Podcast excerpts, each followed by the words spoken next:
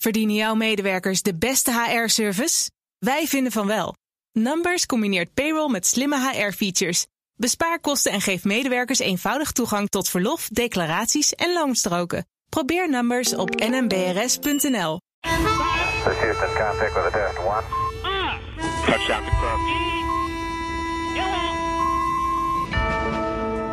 Hi, everybody. This is Space Cowboys, and um, I'm, I'm in the studio with Yuri. Hi, Herbert. Hi there. Uh, Yuri's with me, and we're going to discuss his space news. He's got a lot of Russian news today, haven't you? Yeah, some exciting things that happened in Russia. All right. And we have a guest, so to speak, because the guest is Thijs himself. Who's still in Asia and Yes, exactly. currently in the Philippines. Hi, Thijs. I'm hearing you already. Yes, hi Herbert, hi hi Yuri. Yes, on the other side of planet Earth. Yeah. Like I'm, I, I feel like I'm exactly on the opposite side. How are things over there? Uh, very good, very good. I mean, it is rainy season, so it's almost the same as last time we spoke. I hardly ever see any stars. Oh, that's too it's bad. cloudy all the time. So yes, I don't feel very connected to the universe uh, out here. um, but uh, uh, but very funnily enough, uh, um, I'm I'm in the Philippines now, and I'm I'm I'm traveling around for work. And uh, while I was here, uh, suddenly news came out that uh, the president, Duterte, a controversial man, but Yeah. he did something good space related. Um, he uh, he signed a directive to uh, to launch uh, a new uh, space agency in the Philippines. Oh, wow. So the Philippines are also going to space. Yes. Yeah, they didn't Yeah, have one so uh, far. it- Uh, they had something in the past, but it never really uh, never really did anything. It was in the 70s. Never really flew, a, an no. initiative. Yeah, it never really flew. Uh, but now they, I mean, they, they're not gonna uh, launch any rockets. They, um, uh, they, they are probably gonna hitchhike on. Uh, the rumor is the Japanese uh, on the Japanese space program. Um, so Yuri, maybe you can elaborate about that, what they what they can do. But the idea is to at least first uh, develop satellites and space science and Okay. uh, all those things, and a and a, and a more and a more decent uh, astronomy department on all the universities. So yeah, I, I can that- tell you, Yuri what- is what they, making uh, a weird why they- face over here. He never did that uh, until now. I have to be honest, I don't know anything Usually about he it. knows exactly what's going on. No, I don't know anything about the Philippine Space Agency. I'm sorry, I have to disappoint you. No, but Japanese rockets. Oh, Do Japanese you know anything rockets. about Japanese rockets? oh, so Oh, yeah. much. Yeah. Are the ones they're going to Yes. hitchhike on? That's what you were telling us. Yes, that's Yeah. the rumor I heard here. Okay, Hmm. good. Okay, um, so that's your news. So far, you have a couple of other things, but I'll uh, I'll turn to you, turn to Yuri right now. Uh, so keep listening and um, please interfere if you have something to say. We'll uh, just uh, continue the conversation. here. Definitely. All right, uh, Yuri, what's your news at this Well, point in time? Shall we move over to Russia? There's Yeah, a Russia. lot has been going on in that part of the Very world in the last few weeks. Yeah. Yeah. So let's start with the most well terrible news. Mm-hmm. Uh, a nuc- an, an, a big accident with a nuclear rocket up in the north of Russia. So we have to move. I've been reading about that. Yeah, it's been all over the news. So let's first see what exactly happened over there because we have to move back to the 8th of August to the village of Nyonoksa in the northern part of Russia. Uh, it's near Archangelsk, so you're far up north, near Mur- Murmansk, actually. So if you consider the whole of Russia, it's in the northwest, Exactly. close to Norway, maybe. Yeah, so on the 8th of August, something happened near the village of Nyonoksa. Um, stations in the neighborhood in Norway registered an explosion. And after a few hours, local residents saw uh, people in hazmat suits being evacuated to the hospital in Arkhangelsk, one of the biggest cities nearby. Um, the hospital staff wasn't warned of anything. They didn't know what to do. They were forced to sign non disclosure agreements uh, afterwards. And there were unfortunately five deaths. So, five scientists died in an accident in a military base somewhere near Nyonoksa. This wasn't all. Something else happened. Uh, a few hours after the accident, uh, radiation levels peaked at 4 to 16 times the normal uh, amount.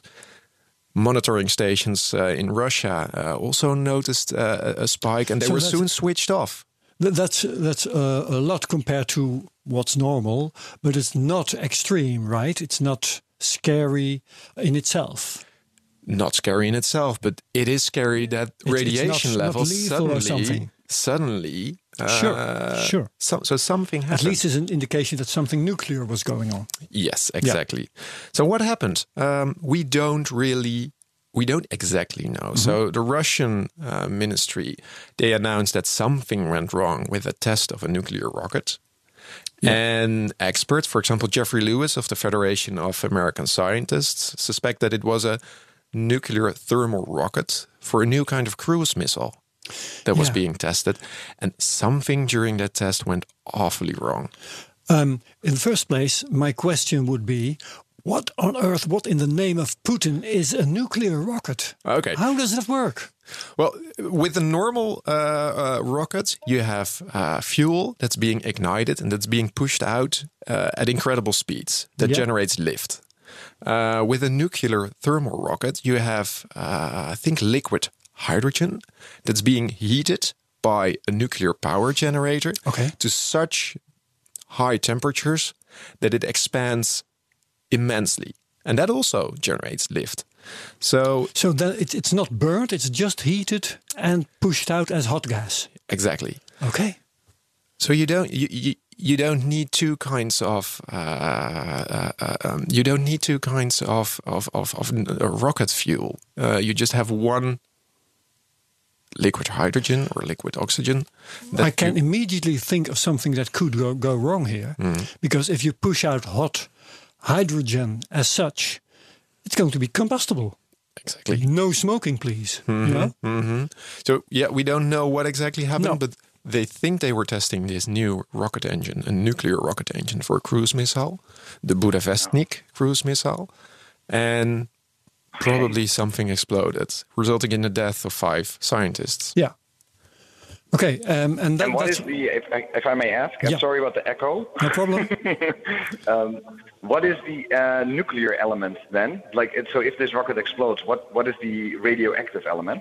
So they have uh, radioisotope generators that generate heat, and that heat uh, is used to expand the, the, the liquid hydrogen. Uh, so that's comparable to the stuff that's Yeah. inside the, the Voyager and exactly. many but other. if um, something like that explodes, probes. if Yeah. something like that explodes, then you have uh, nuclear uh, particles, nuclear waste everywhere. all over the place, yeah. yeah, Okay, so that's a scenario. That's one scenario. that's one of the things that they expect to think that happened. But yeah, we're we don't have any official sources uh, that say that this is No. what exactly happened. and are there any reliable sources online that you are following?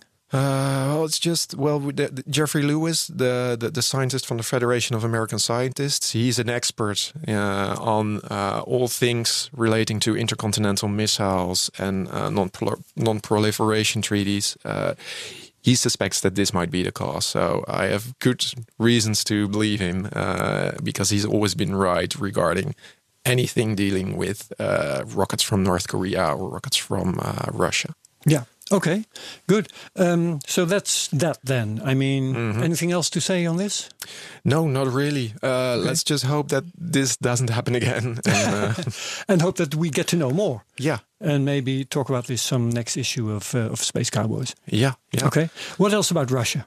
Well, let's move over to something that s- seemed to go right. Uh, the launch of the of a new. Soyuz capsule, Soyuz MS-14. Yeah. So a week ago, uh, we saw uh, an unmanned Soyuz capsule being launched towards the ISS. The first time an unmanned Soyuz capsule has been launched, launched since the 1980s. And it was supposed to test whether the new rocket, a new upgraded version of the Soyuz rocket, would be able to deliver the Soyuz capsule okay to the ISS. Everything went perfectly. Right up until the Soyuz capsule reached the ISS. Because what usually happens is that when a Soyuz capsule reaches the ISS, then uh, it triggers an automated uh, rendezvous system called Yep. Kurs. Uh, so it just tries to find the ISS, tries to lock up a radar beam, and then slowly creeps towards the ISS and then docks. But something went wrong. Uh, the Soyuz capsule couldn't find the radar beam from the ISS, so it started. You, could see it on, on the on the, in the video. It started Yeah. wobbling from side to side, and uh, the people on board the ISS noticed this and said, "Okay, we're going to stop this uh, docking uh, procedure. Yeah. We have to cancel Abort. it. Abort mission. Yeah. Mission." So the Soyuz capsule backed away from the ISS, and troubleshooting had to begin because, well, of course, they wanted to dock it. It has some supplies on board. It would be a shame to uh, let it burn up in the atmosphere once again. Sure. So they had to find a reason what exactly happened. And they noticed, uh, at least the Russian uh, uh, uh, members aboard, they noticed that uh, an amplifier, an amplifier meant to send radar signals on which the uh, Soyuz capsule could lock on, was faulty. So it wasn't working properly. So changing it wasn't an option. So they had to think of something else. Well, there are multiple docking ports on the ISS, so a Soyuz capsule could use another docking port, but all of them were taken. All the other uh, capsules were taken, so there were no parking spots left on the ISS, so to say. So what do you do? You've got to introduce paid parking. so what do you do? Uh, the only thing they were able to do is move a Soyuz capsule that's already docked to the ISS to Yeah. another to, to another location to free up another port. So yesterday, uh, no, that was uh, on on Tuesday, Tuesday this week. Uh, three members of the uh, ISS uh, returned to their capsule on which they arrived in the ISS. Uh, they disattached themselves from the ISS, flew backwards a bit, and then flew to another port in the ISS, docked again, entered the ISS once again, and voila, you have an empty port somewhere else. So yesterday they tried to dock the uh, Soyuz MS-14 capsule once again. Everything went flawless. Wow. It's it's it's a really funny story. I mean, if, if parking space is tight at the ISS, something has got to go. Uh, something is, is very good because uh, well, space apparently Yeah. um, is is, is um, in, in good business shape. Yeah, and they, they were very unfortunate in this case because usually there are multiple ways to dock a Soyuz capsule. Uh, you have Kurs, which is the automated uh, system. That didn't work today.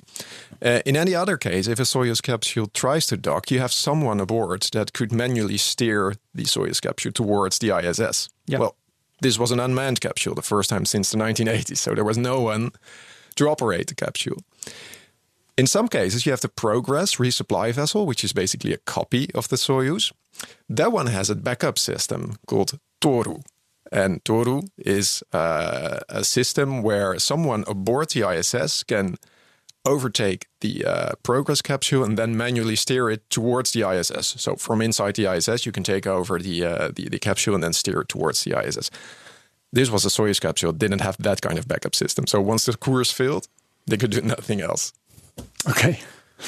All right. Uh, you have more Russian stories. Yeah. So let's let's What's stick with the one? let's stick with the MS-14, the the mission, because it carried an interesting uh, Payload. new addition to the ISS. Fedor. What's that? Yeah, Fedor is a is a is a robot. Oh wow. They launched a robot to the ISS. Um, it looks very much like a person. It looks a bit daunting, to be uh, precise. It looks it looks a bit scary. It was an unmanned uh, mission with an artificial man on board. Yeah.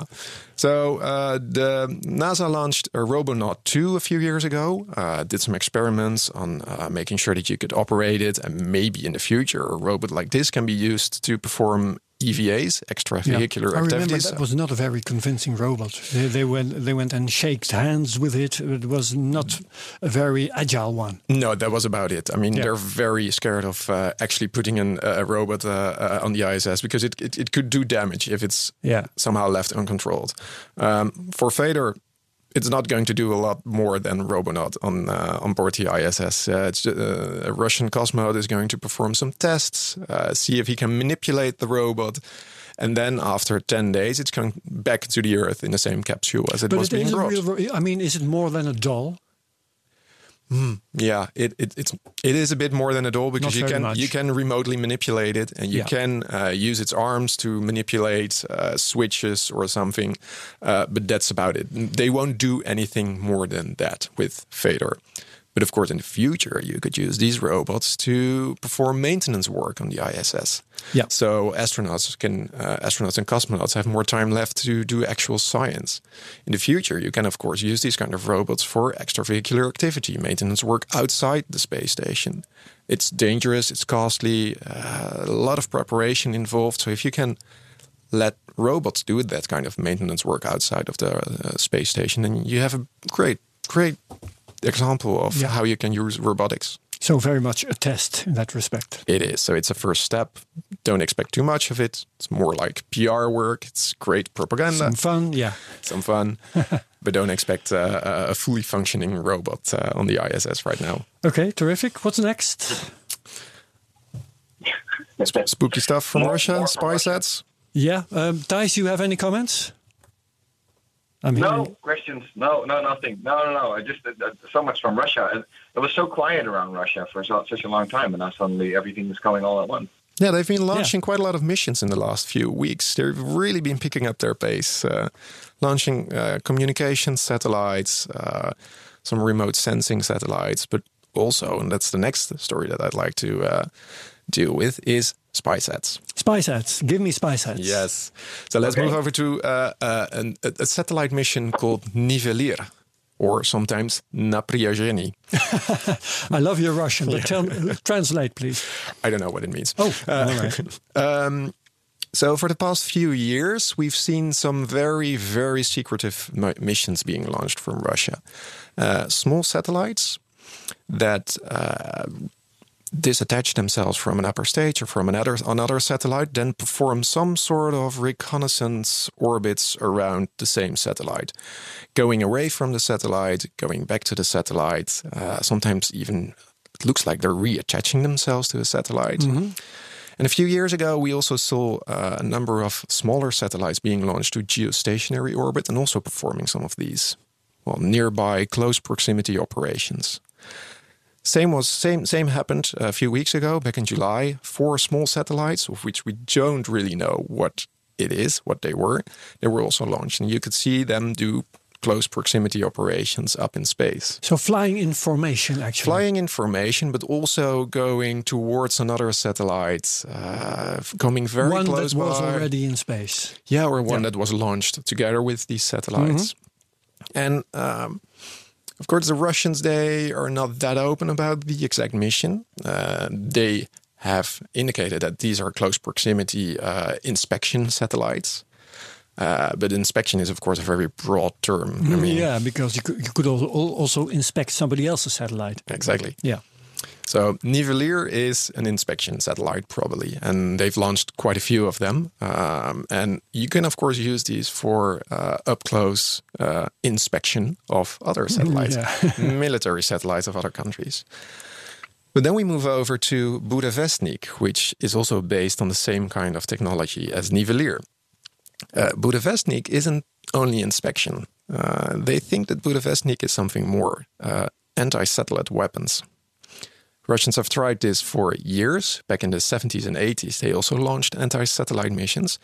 These were big, bulky satellites that came close to another satellite and then fired away a bomb full of shrapnel, destroying the other satellite. Oh, yeah. It's a very effective way of. Controversial as well. yeah, very controversial, very effective, uh, but it leaves a lot of debris. Yep.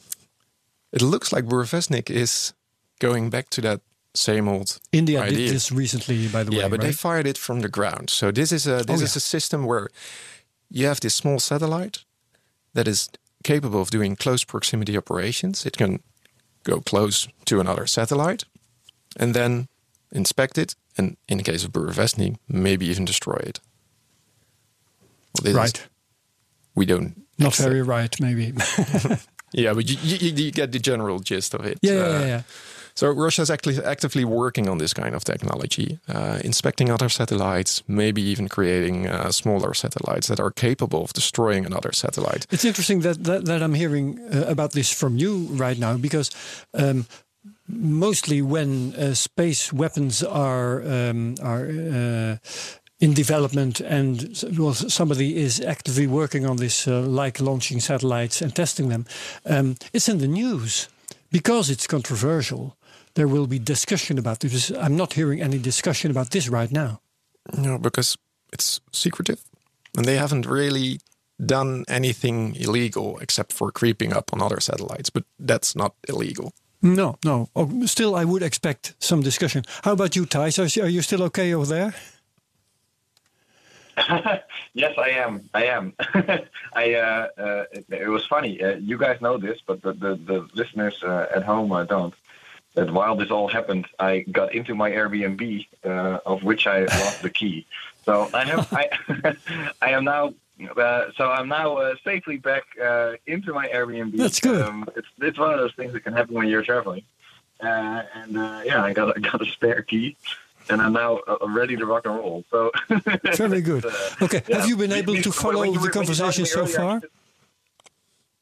Yes, yes, yes. But o- only the last three sentences I didn't because I actually I pulled up the story that I wanted to talk about. So Okay. uh, So let, let's do that Yeah. then. Uh, you, you've been silent for too long. That's why I'm uh, started addressing you. Oh yeah, okay, yeah, yeah.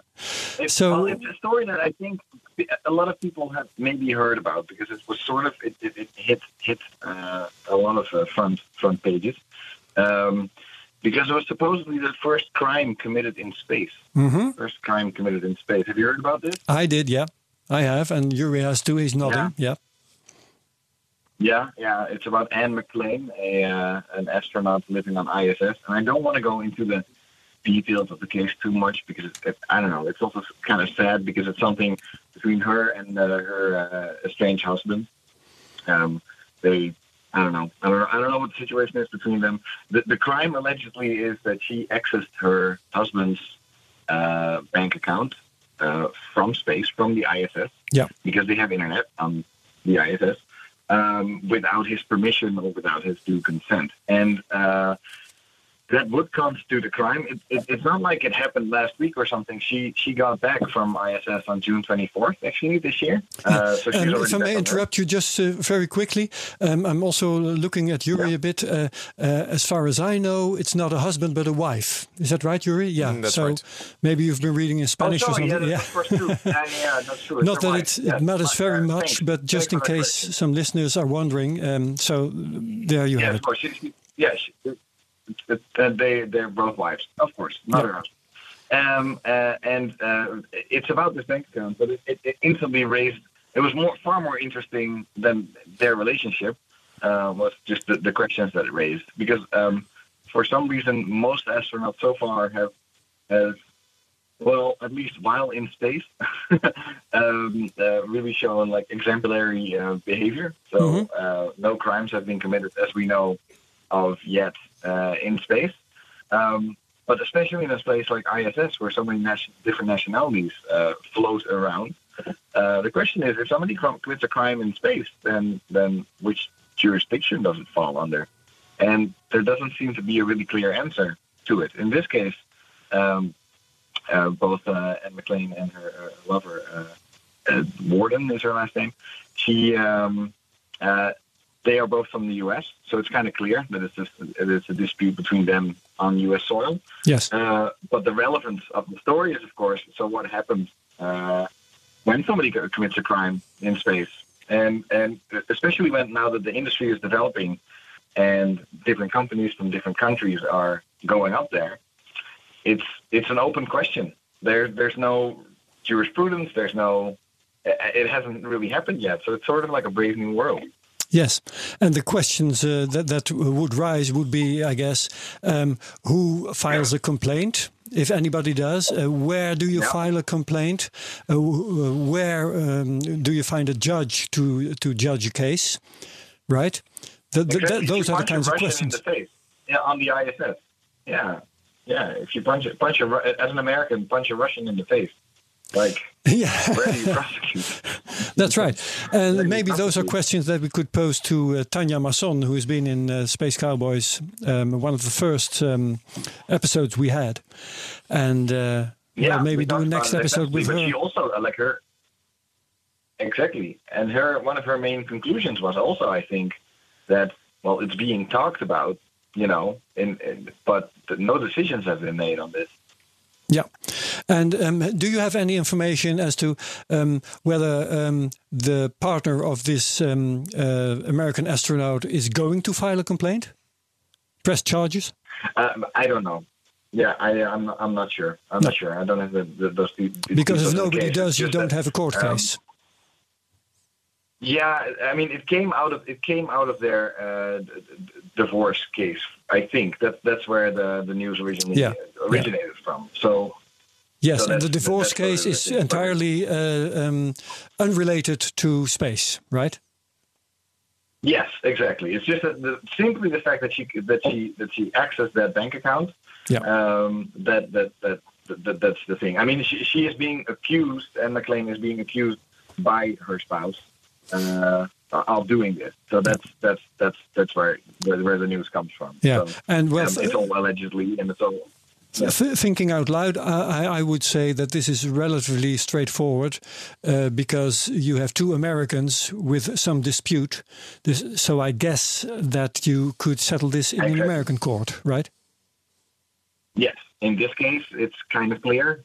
Uh, it's just a civil dispute between two people, two Americans, uh, who are legally married in the United States, and uh, and, Yeah. and that's all. So it, it, it, it, it, it's simply the question that it raises, like, and, and, and I sort of feel sorry for Anne McClain because it's also like, well, you know, the woman went to space, did went the whole training, and then like behind her name is like maybe first crime in space. That's not a that's Maybe, not a yeah. thing to have behind your name. You know? Yeah, it's like, oh man, is that what you did it all for? You know? Yeah, let's have a regular murder wants to be case, right? first in every- everything, but- yeah, exactly, exactly. Would be more Um, convincing. But what I, but, but yeah, exactly. But what I thought was very funny, uh, YouTube uh, um, offered me this new trailer for this new movie, and Oh, it right. sort of, I don't know, it sort of ties into the whole uh, thing of uh, astronauts maybe not, not always doing the right thing. Um, is, there's a new movie coming out called uh, Lucy in the Sky. Mhm. Originally, the name was going to be uh, Pale Blue Dot. Um, it's produced by Reese Witherspoon and, and Natalie Portman uh, is, is, is, has the leading role, and it's it's loosely based on the case of Lisa Nowak. And he- Lisa Nowak, this, this is all a while ago. This is 12 years ago. After she um, uh, uh, she got back, so she was she, she's a decorated astronaut. Went up uh, on the space shuttle, Discovery. Was in charge of uh, operating the robotic arms of the shuttle and the International Space Station. So, you know, she went up and she came back down again. Um, but then she eventually got into some sort of weird altercation and a huge court case, um, uh, which included attempted kidnapping, burglary with assault, and battery, all Yeah. over a relationship with uh, another uh, astronaut. So I remember was- something about uh, she she, she uh, went on some revenge expedition wearing diapers in, in order to not Exactly. not have to uh, get out of her car and keep driving. It was very very weird in many respects. It was very, very weird in many respects, and it, and it, was also this, this this astronaut just falling from grace in, in in a certain way because we all we all hold astronauts to like the highest standards there Yeah, are. they're freaking like they're heroes. universal heroes. Yeah. a- absolutely, absolutely. So And the film is about her. you know, so what what happens in the film? the film the film is the, the film is not so much about her. The film is more about um, uh, I don't know. It, it, it, it's an urban legend, but it, there's there's the positive side of being an astronaut of um, of uh, and I'm not an astronaut, so so we need to invite an astronaut on the show to talk about this. You of course have the positive effect of the overview effect. You, you hear it a lot, right? Of um, astronauts going up there and uh, having this life changing experience for the better and understanding Earth better and uh, be, becoming more, I don't know, just realizing that the, that, that the Earth is fragile and all, all those things. Yeah, suddenly they're conscious about But the environment and everything. Exactly. Yeah. But there's kind of also this other uh, this other side of it of, of having almost almost um, such a huge experience of going to space that it can be almost traumatic. That that's that's also one of the, the things that are that's being told about it. And um, uh, it, it there there there is this idea that certain people can come down and also just kind of maybe lose their way, and that Yeah. the idea with that was the idea with with Lisa, no, Lisa Nowak. Yeah, maybe it's something about uh, that's what the movie uh, having about. had too much attention, um, returning to Earth and getting very little of it, and then maybe uh, have the uh, falling into a black hole experience. What now?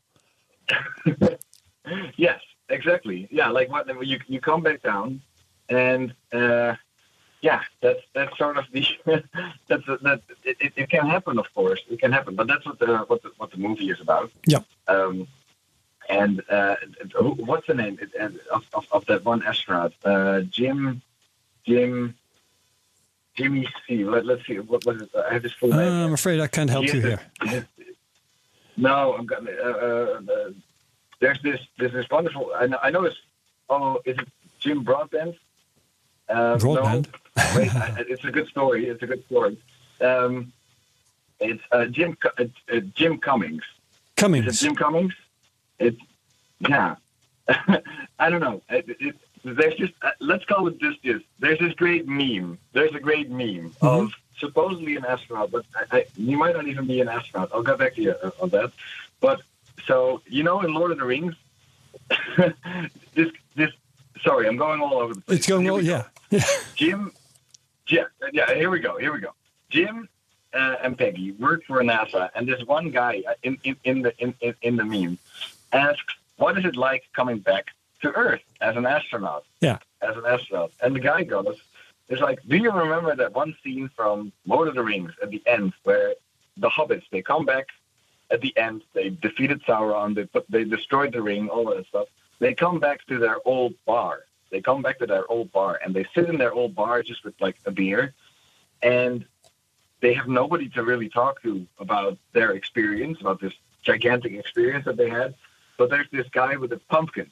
A guy with a really big pumpkin comes in, and everybody in the bar is like elated about the guy with the big pumpkin. And the hobbits who had this like epic experience just kind of sit there like, great to be back home. And so Jim in this meme is like, how is it to go to space? Yeah. The the guy, you know, the, the hobbit's sitting in the bar, and the guy comes, the other guy comes in with the pumpkin. That's how it is for astronauts. I get it's it. like, Yeah. I can, I, I yeah, I think that, that, it might be very true for these astronauts. That it's, it, it, it, it I, I cannot imagine how it is to talk to us lay people, us ordinary people, because we've never seen it. We haven't No, no, experienced no. what they have experienced. Okay. So give me the So, name of the movie don't know. Uh, the, the name of the movie that's coming out in two weeks is Lucy in the Sky. Lucy in the the Sky. Beatles song. Yeah, yeah, yeah. Okay, Yeah, Lucy in the Sky. great. Being released uh, September 11th. September 11th. Okay, that's a nice date. All right. Um, now let me uh, tell you one, um, one or two um, space stories that I have. See if I can get to Yeah. my um, my little list here. Um, Yes. uh, well, yeah, yeah. One thing I would like to come back to is our story about the uh, um, Planetary, Planetary Society's light sail experiment. They launched the satellite Oh, yeah. That was going to uh, get into some orbit and then use a light sail in order to elevate the orbit. So it's been doing Yeah. some of that um, for the past couple of weeks. And in Ars Technica, there was a nice piece that I'm going to put a link to in our show notes.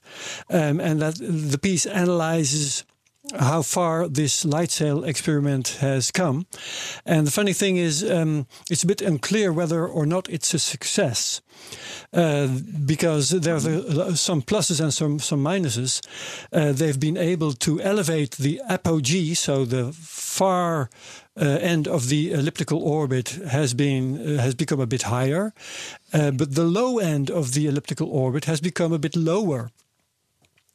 And um, Okay. Ars Technica quotes uh, an expert who says the, the total energy of the orbit has in fact decreased. So it's uh, it's a complicated story. Okay. Uh, somebody from the Yeah. the Planetary Society itself, uh, well, of course, tells uh, the press they they're rather satisfied. They've been able to control the mission about two thirds of the time. But if you look at the objective uh, um, data, uh, the success is not that big, and maybe uh, even carries a minus sign because of the lowered energy of the orbit. So it's, Yuri. yeah, so it's great for making sure that your satellite re-enters the atmosphere. At least that's going to succeed. that was that was a certainty from Oh, wow. the Yeah. beginning. no, it's, it's, Actually. it's a terrible joke, but of course, it's it's it's good to see that a light sail does have some effect on the uh, orbit of a of a spacecraft. Absolutely. So yeah, yeah. that is, of course, good to see because they've always hypothesized this uh, effect, and uh, well, it's been Yeah. proven. It's it's a small effect, and you have to do a lot of hard work to make it uh, into a measurable effect, uh, some some sort of macroscopic change in the orbit. That they succeeded in, but of course you want to Mm-hmm. increase the energy of your orbit. You want to uh, elevate the orbit, Yeah. the, the orbit in uh, the complete orbit, not just one uh, end of it, but both ends, and that they did Yeah, not succeed in. So No. light, uh, Yeah. light sailing is hard. That's that's a conclusion Yeah. that we can draw. Yeah. It's almost as hard as nuclear power And- and propulsion. it Yeah, that's right. anywhere else? Excuse me, Thijs, Yeah. again. Do you know that it, would it help if it was anywhere else? Like, say you have it, it's really uh, because right now it's still in orbit, right? Yes. Um, if it's already out somewhere far away, that it's completely loose from any sort of orbit. That, Yeah, yeah. wouldn't um, have that problem. That's right. I, I think so. Before we started this uh, recording, uh, Yuri and I were telling each other um, one uh, way of light sailing must be easy, and that's just straight away from the sun. Because you uh, Yeah, you unfold your sail and you, you you put it in the right direction and off you go. Uh, but as long as you're in an orbit around the Earth, you're com- totally all the time you are changing your orientation, and you have to do a lot of hard Yeah. work uh, changing the attitude of your satellite, at least of your sail, all the time, to make it work properly Yeah. and uh, make it work at all. And that's still difficult. Yeah. Yuri. Yeah, because Yeah, um, yeah. a few years ago, the Japanese also did a solar sail experiment. It was called Ikaros. Uh, it was launched together with uh, Akatsuki, which is a mission to the planet Venus. And uh, that was, of course, an interplanetary mission. So it didn't stick to Earth orbit, it just went out into space. And they also noticed an increase in the speed of the spacecraft because photons kept hitting the solar sail. sure. Yeah. But still, it was it was a minor increase. It was such a minor increase. Hardly measurable, right? Yeah. Yeah. So that's uh, yeah, that's the the practice of uh, of solar sailing. I think the, the, the idea is that you either need a huge solar sail Yeah. to get any measurable effect, or that you have to hit a solar sail with a laser beam from Earth, because that could also generate some sort of. and people are thinking about that. Engineers are thinking about that. Yeah. Okay. Um, here's the next story that I want to discuss with you, um, and that's um, well Yeah. a- another uh, tweet by Elon Musk, who uh, the other day uh, told the world that um, it was high time to nuke Mars.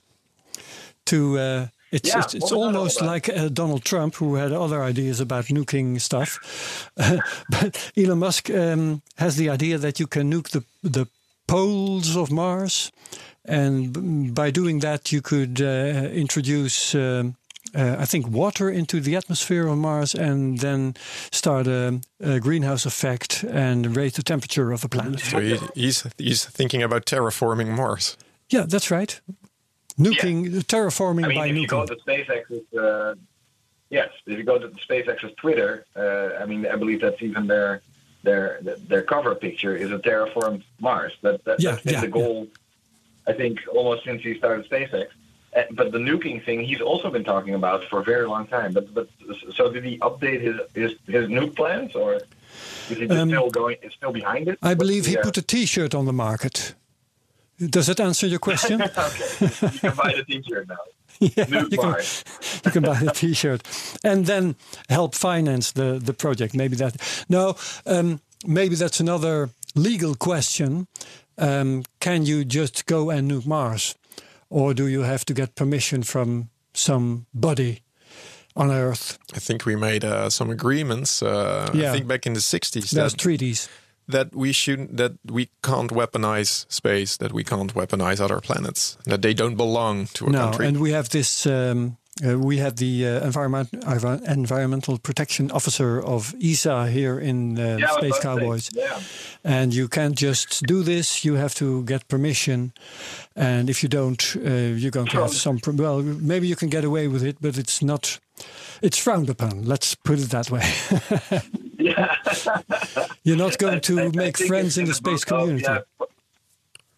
Exactly, exactly. Yeah, Does I- I- this fall under protection? I'm Yeah. not sure. Okay, um, more about uh, the solar system. NASA is now going to Europa. At least the, their Europa plan What? has uh, entered the next stage. They're now do- they're now Europa actually Clipper. designing the mission, right? Okay. Thijs, you got a question Oh, about great. that? Yeah, well, so it's a Euro- Europa Clipper mission. It's, Yeah. it's getting the go ahead now. I mean, the funding was already secured for it. Yeah. Yeah. Um, Uh, great. So yeah, that's uh, the, That's we, we we can be short about this. Um, here's another one. Um, Well, yeah. wait, um, wait, wait. No, let's let's let's just let's just uh, quickly for those who don't know what's going on in Europe. Right? The icy Sure. moon of Jupiter. Uh, Yes. Yeah, the icy moon of Jupiter. It would it would not try to find life. Um, it would uh, study Europa much better in order to see how we could detect life there. So it's, Yes. it's sort of like an intermediary. uh, And Europa is one of the Not- best candidates for harboring life at all. Yes. Well, actually, it's Enceladus, like we talked about uh, uh, with uh, uh, the, the the designer of the Enceladus Life Finder mission, but for some reason, uh, Euro- Europa uh, really got the funding before uh, before Enceladus got it. So um, it's. Uh, uh, but I'm super excited. And hopefully, I think it's launched. Okay, it's set for a launch in June 2023, which is not even that far away anymore. Uh, Europa Clipper. So that's, No, that's good. that's uh, four years I mean, it's now. probably gonna get delayed, but no. You know yeah. stuff about the, Euro- uh, Europa mission it will you're in? take a while. No, to be honest, I'm not that knowledgeable on this mission. Okay. I just know that yeah, it, it is interesting to visit Europa because of its unique characteristics. But Sure. uh, I always thought that this was a mission that was marred by uh, funding deficits and even problems with its launcher. I think it was supposed to launch on the SLS, the big American rocket that's keep, Yes. keeps getting delayed, but I'm not sure what the latest uh, status is. Uh, whether it's going to be launched on SLS or maybe even on a Vulcan rocket from the United Launch Alliance. Okay. The s- stuff you do know about is um, uh, you have more to say about this, Thijs? No, it's true. It's, uh, supposedly it's gonna go on a on, on an SLS, but it can also go on a Delta Four or on a Falcon Heavy. Okay. It's, it's, Okay. it's Yeah. either or. It Yeah. doesn't really doesn't really matter. Yeah. Of course, we have some delay talking to somebody at the Philippines. So, okay, Thijs, uh, stay with us. That's true. Um, Yuri, Yeah. I, I wanted to give you the floor um, to tell us something about uh, Chandrayaan Ah, Chandrayaan. because it's on its way to the moon. It had some um, uh, attitude, no, some some uh, orbit corrections, and it's now in orbit around the moon, right? Yeah, so Chandrayaan is uh, India's moon mission, India's Yes. newest moon mission. Uh, it's supposed to land on the moon with a rover on September the 7th. It was launched back in July this year. And in the past few weeks, in the past one month, one month and a half, uh, it slowly raised its orbit until it uh, entered the gravity in the influence of the moon. And Yep. uh, now it's in orbit around the moon. It's sending its first pictures. Um of course, All's going well. was going well up until now. And in the next few days, it'll um, circularize its orbit, it'll lower its orbit, and then it'll release a part of its spacecraft containing the lander and the rover. And then on uh, September the 7th, mark it in your diary, then uh, it'll uh, land on the moon, hopefully. Yes, let's hope this one goes Let's- well let's because Let's we've hope, had some trouble. uh, yeah, it's let's hope it's not following uh, Israel. That's right. That's right. And um, this one, the, the Bereshit, the Israel mission, had some uh, connection with um, pollution in space, uh, planetary protection, Yeah. because there was some speculation that the um, tardigrades, also known as water bears, uh, maybe were s- set free on the surface of the moon. Hmm, who And knows? who knows Yeah. what happens there? yeah, but I that's not the biggest of problems because I don't think uh, the uh, Apollo missions were that uh, free of any okay, uh, very clean. were that clean because it carried humans to the moon, of course. Yeah. Uh, but still, yeah, uh, it's not that nice to have a spacecraft crash into a planet containing uh, uh, life. No, no, no, no. Okay, no, exactly. so Well, uh, didn't the didn't uh, the the Apollo astronauts leave poop behind? Yes, they did. yes, they did. So there are worse things to worry about on the moon. Okay, let's not Don't step in the poop. Let's not think and talk about this too much right now. Um, all right, um, give me an update, Yuri, about Hayabusa 2. Yeah, Hayabusa 2. So uh, a few weeks ago, uh, it captured its uh, most recent uh, set of specimens from astro- uh, no, uh, asteroid Ryugu. Yes. Uh, it's been there for a few months now. Uh, it fired a projectile and uh, was made. And that projectile unearthed some of the deeper laying sediments on uh, Ryugu. So these were uh, sediments that haven't been touched by the sun in over four billion years. So these are really sediments that carry the building blocks of the universe. Uh, they they were able to recover these uh, these these these these dust particles, uh, and they've now safely locked the capsule containing these dust particles in the spacecraft. So almost mission accomplished. Uh, at the end of this year, uh, the uh, Hayabusa 2 uh, spacecraft will depart from Ryugu, and it'll start its journey back to Earth. And then Yeah. somewhere next year, the capsule will reach the Earth. Uh, it will separate from the main spacecraft and it'll re-enter the atmosphere and hopefully, if everything goes all right, land somewhere in the Australian outback. All right, but you do have Yuri uh, a news item for us about the fastest trip to the space station so far. Yeah, a I've- new world record. So, two interesting things about space station. First of all, this this when a Soyuz launches, uh, Soyuz capsule launches, it used to take two days before it reached the ISS. And the Soyuz is a very cramped space module, so three people inside such a small space uh, craft. Uh, not something that uh, you'd recommend to everyone. Yeah. So the Russians did some calculations, and if you launch the Soyuz capsule at exact the right moment, they were able to reach the ISS in six hours, which is a better. It's much better than spending two days in a cramped capsule.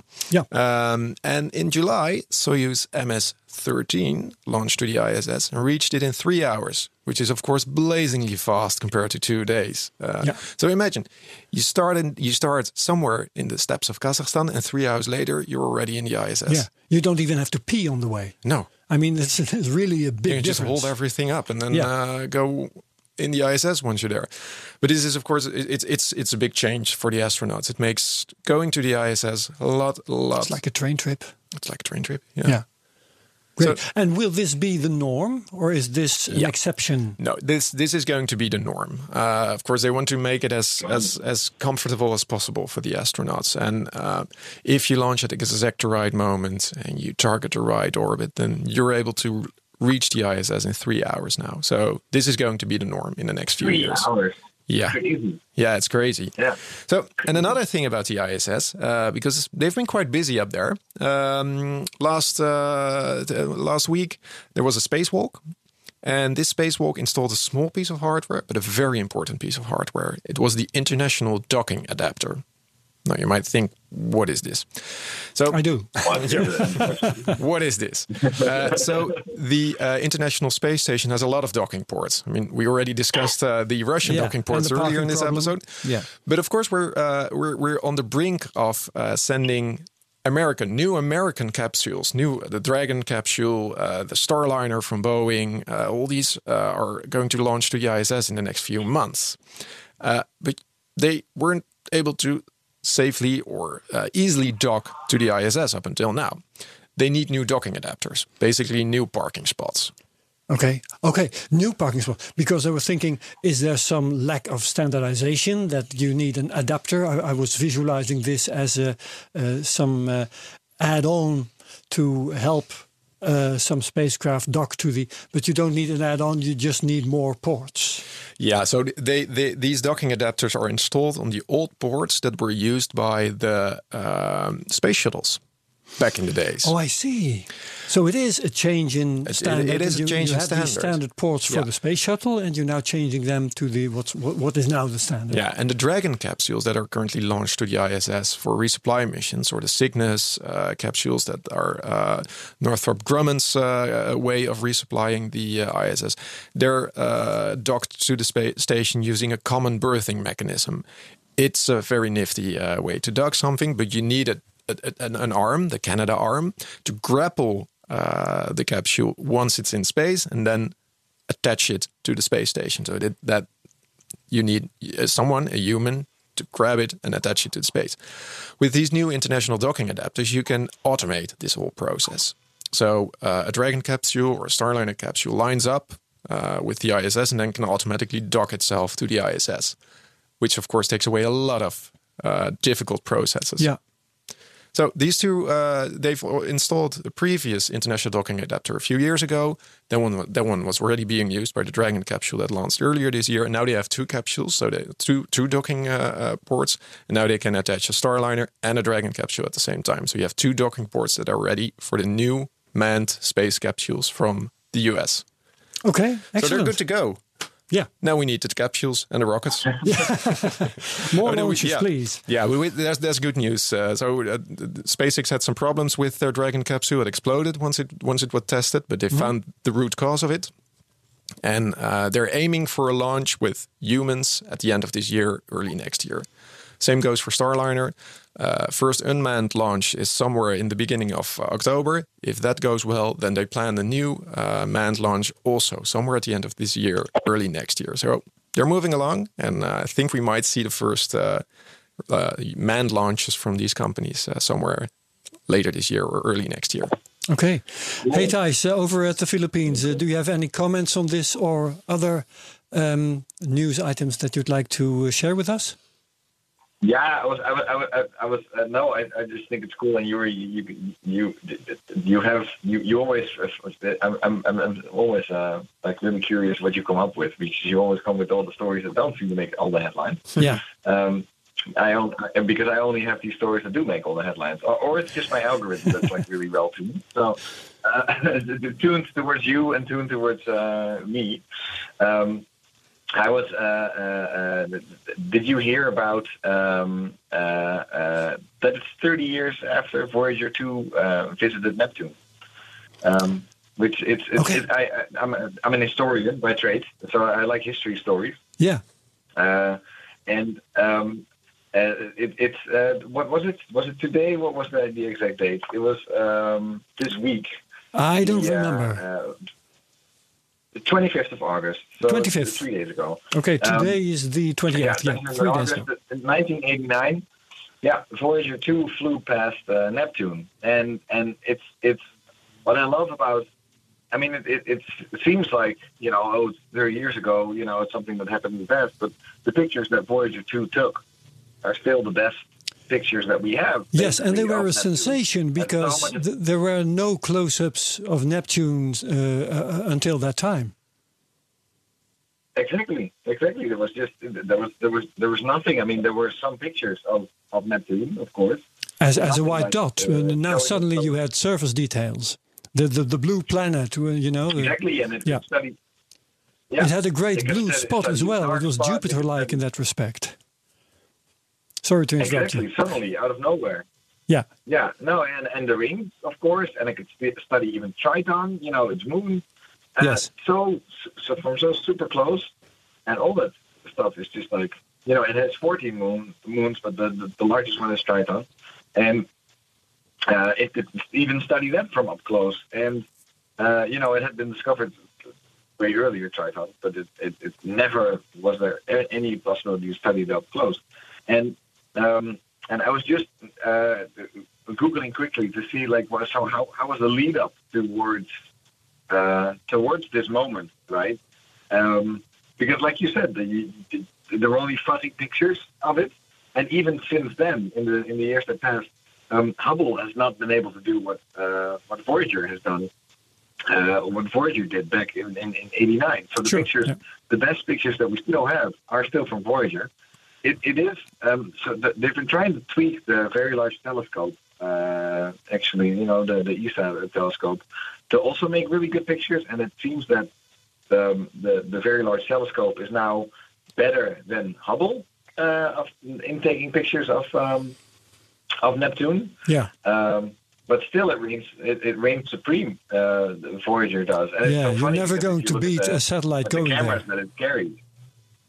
Yeah, exactly, exactly. I mean, when when was Voyager launched in the late 70s, 77, I think. Mm, and uh, like that, yeah. uh, the the cameras, yeah, the 20th of August, 77, and um, uh, it, the cameras it had on board were basically um, tweaked, uh, like really good television cameras. It wasn't like anything like 4K digital, whatever. No. Um, you know, not at all, not at all. And so because they needed to transmit these these, these pictures back, and, and digital Yeah. cameras were not at all at the at the, the phase where they where they were now. So they had, I believe, some sort of updated version, like a really good television cameras that they used, um, so that they could send the signal back. And uh, even even then, I mean, I don't know. For some reason, it also is very inviting, I guess, to, to maybe start thinking about a new mission to the outer solar system. Yeah, because nobody's go, gone there since. No mission has gone there since, right? No, exactly. It's too bad. No, Yeah. no, and, and and and nothing is being even being planned in that direction. So, um, for for the coming decades, as so far as we can see, the, the pictures that Voyager took 30 years ago of, of Neptune are still the ones that we, yeah, have to use in classrooms and universities all over the world. Yeah. So uh, Neptune has been lonely for 30 years now. And uh, by the way, Uranus uh, Yeah, has exactly. also. The Yeah, same goes for Sure. Uranus. Yeah, no, it's the same. Yeah. Yeah, exactly. Yeah. Okay. Now, uh, thanks for sharing this with us. Um, Yuri, uh, as Yeah. a, by way of closing remarks, what can you tell us about what's going to happen in the next few weeks? Chandrayaan. Chandrayaan. More Chandrayaan, yeah. Uh, The, the, the landing, of yeah, course. to be honest, that's Yes. the that's the mission that I'm most looking forward to in the next September uh, 7th, yeah. in the next uh, three four weeks. Um, furthermore, well, no, there's not a lot of other things going on. Uh, uh, I don't. There, there are no major missions from China. There are no major missions from Russia or uh, the US lined up for the next few weeks. But well, I, I tend to say this every time. And that, I, that I expect nothing happens and then, uh, then then something happens after all. Um, One interesting mission is uh, also the 10th of September. Uh, it's going to be HTV 8. Uh, did we know that Japan is also resupplying the uh, ISS? I did not. Okay, well it, it is. So they have this. What are they bringing? Sushi? could be no. Um, at least they, they always bring some fresh produce. So Yeah. uh, I'm not sure fish is the best uh, Maybe thing to carry up uh, up into space. But um, for the past few years, they've launched uh, these huge uh, resupply vessels called Kounotori, uh, white stork in Japanese. And uh, the interesting thing is that it also has the uh, the capability to carry uh, bigger, bulky items that can be attached to the outside of the ISS. So for the past few years, they've used uh, Kounotori or HTV to resupply not only clothes, uh, food, and uh, things like that, but also uh, external items. And in this case, they're going to carry new batteries to the ISS. Okay. New lithium-ion batteries, the ones that tend to explode in your pocket, but no, not not yet. Um, so that, that's an interesting mission because we have to swap out these batteries, and that's going to take four or five spacewalks, a lot of robotics activity. So uh, the rest of the year will be filled with these kind of tasks for the Okay. ISS. So they have uh, rechargeable batteries in the space station that need to be replaced. Yeah, because the old ones uh, are nickel hydrogen bat- batteries, Yeah. old batteries that were launched up there uh, beginning of the 2000s. So they're all already almost 20 years old, uh, and they're not as effective. So for two Yeah. big nickel hydrogen batteries, I mean they're they're the size of a of a of a, of a big dinner table. Uh, Wow. You can replace one of those with a smaller two. So two nickel hydrogen batteries. You can Okay. you can replace those with one smaller uh, lithium so ion battery actually saving space. saving space and uh, a lot more effective. Uh, Yeah. So important work coming up, important maintenance work coming up on the uh, ISS, uh, and HTV is going to launch these new batteries. So Okay. Nice to look forward to. Um, Thijs, you have anything to add? No, I mean uh, I'm also looking forward to that because indeed it's just like you said, like there's not that much happening. Uh, there's no there's no landings, there's no arrivals, there's no uh, epic launches or anything like really coming up. So um, yeah, we should take anything uh, anything that, that is happening is uh, yeah it, it's worth looking forward to.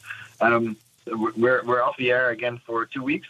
Yes. And so, um, it, it, it- if it's September seventh, like you said, uh, Yuri, then uh, then we should know more by the next uh, by the next episode. Okay, and um, in two weeks' time, we'll be discussing with uh, an expert from TNO, research organization in the Netherlands. We'll be talking about Yeah. um, digital communication between satellites and from Earth to satellites. Interesting technology, very Yeah, and essential laser for. communication. Also, Everything laser communication. Ooh, exciting! That's right. Because That's right. a few a few weeks ago, Yeah. uh, uh, ESA launched uh, the EDRS-C uh, satellite. It's a it's a laser communication satellite. Yeah. Okay, we'll be talking about that Oh, one as well, well. I you So know guess. all so interesting, so interesting. I mean, this is Okay, that'll be. Awesome. Excuse me, Thijs. You said? Yeah, that, it's going to be awesome. So Yeah. we're going to be. I'm looking forward to it. Yeah, and awesome. I'm going to be back in the studio also. You'll be here. Yeah. Uh, um, so we wish you a safe trip home, Thijs. Take care. Thank you. Thank you so All much. right. Yes. Uh, Bye-bye. I will. For now, and this has been Space Bye. Cowboys, and we'll hope to uh, have all you all you listeners um, back with us in two weeks' time when we do the um, satellite communication thing. This has been Space Cowboys. Thanks to everybody. See you then. Bye.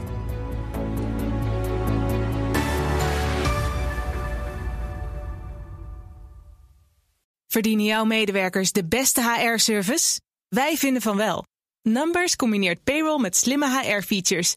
Bespaar kosten en geef medewerkers eenvoudig toegang tot verlof, declaraties en loonstroken. Probeer Numbers op nmbrs.nl.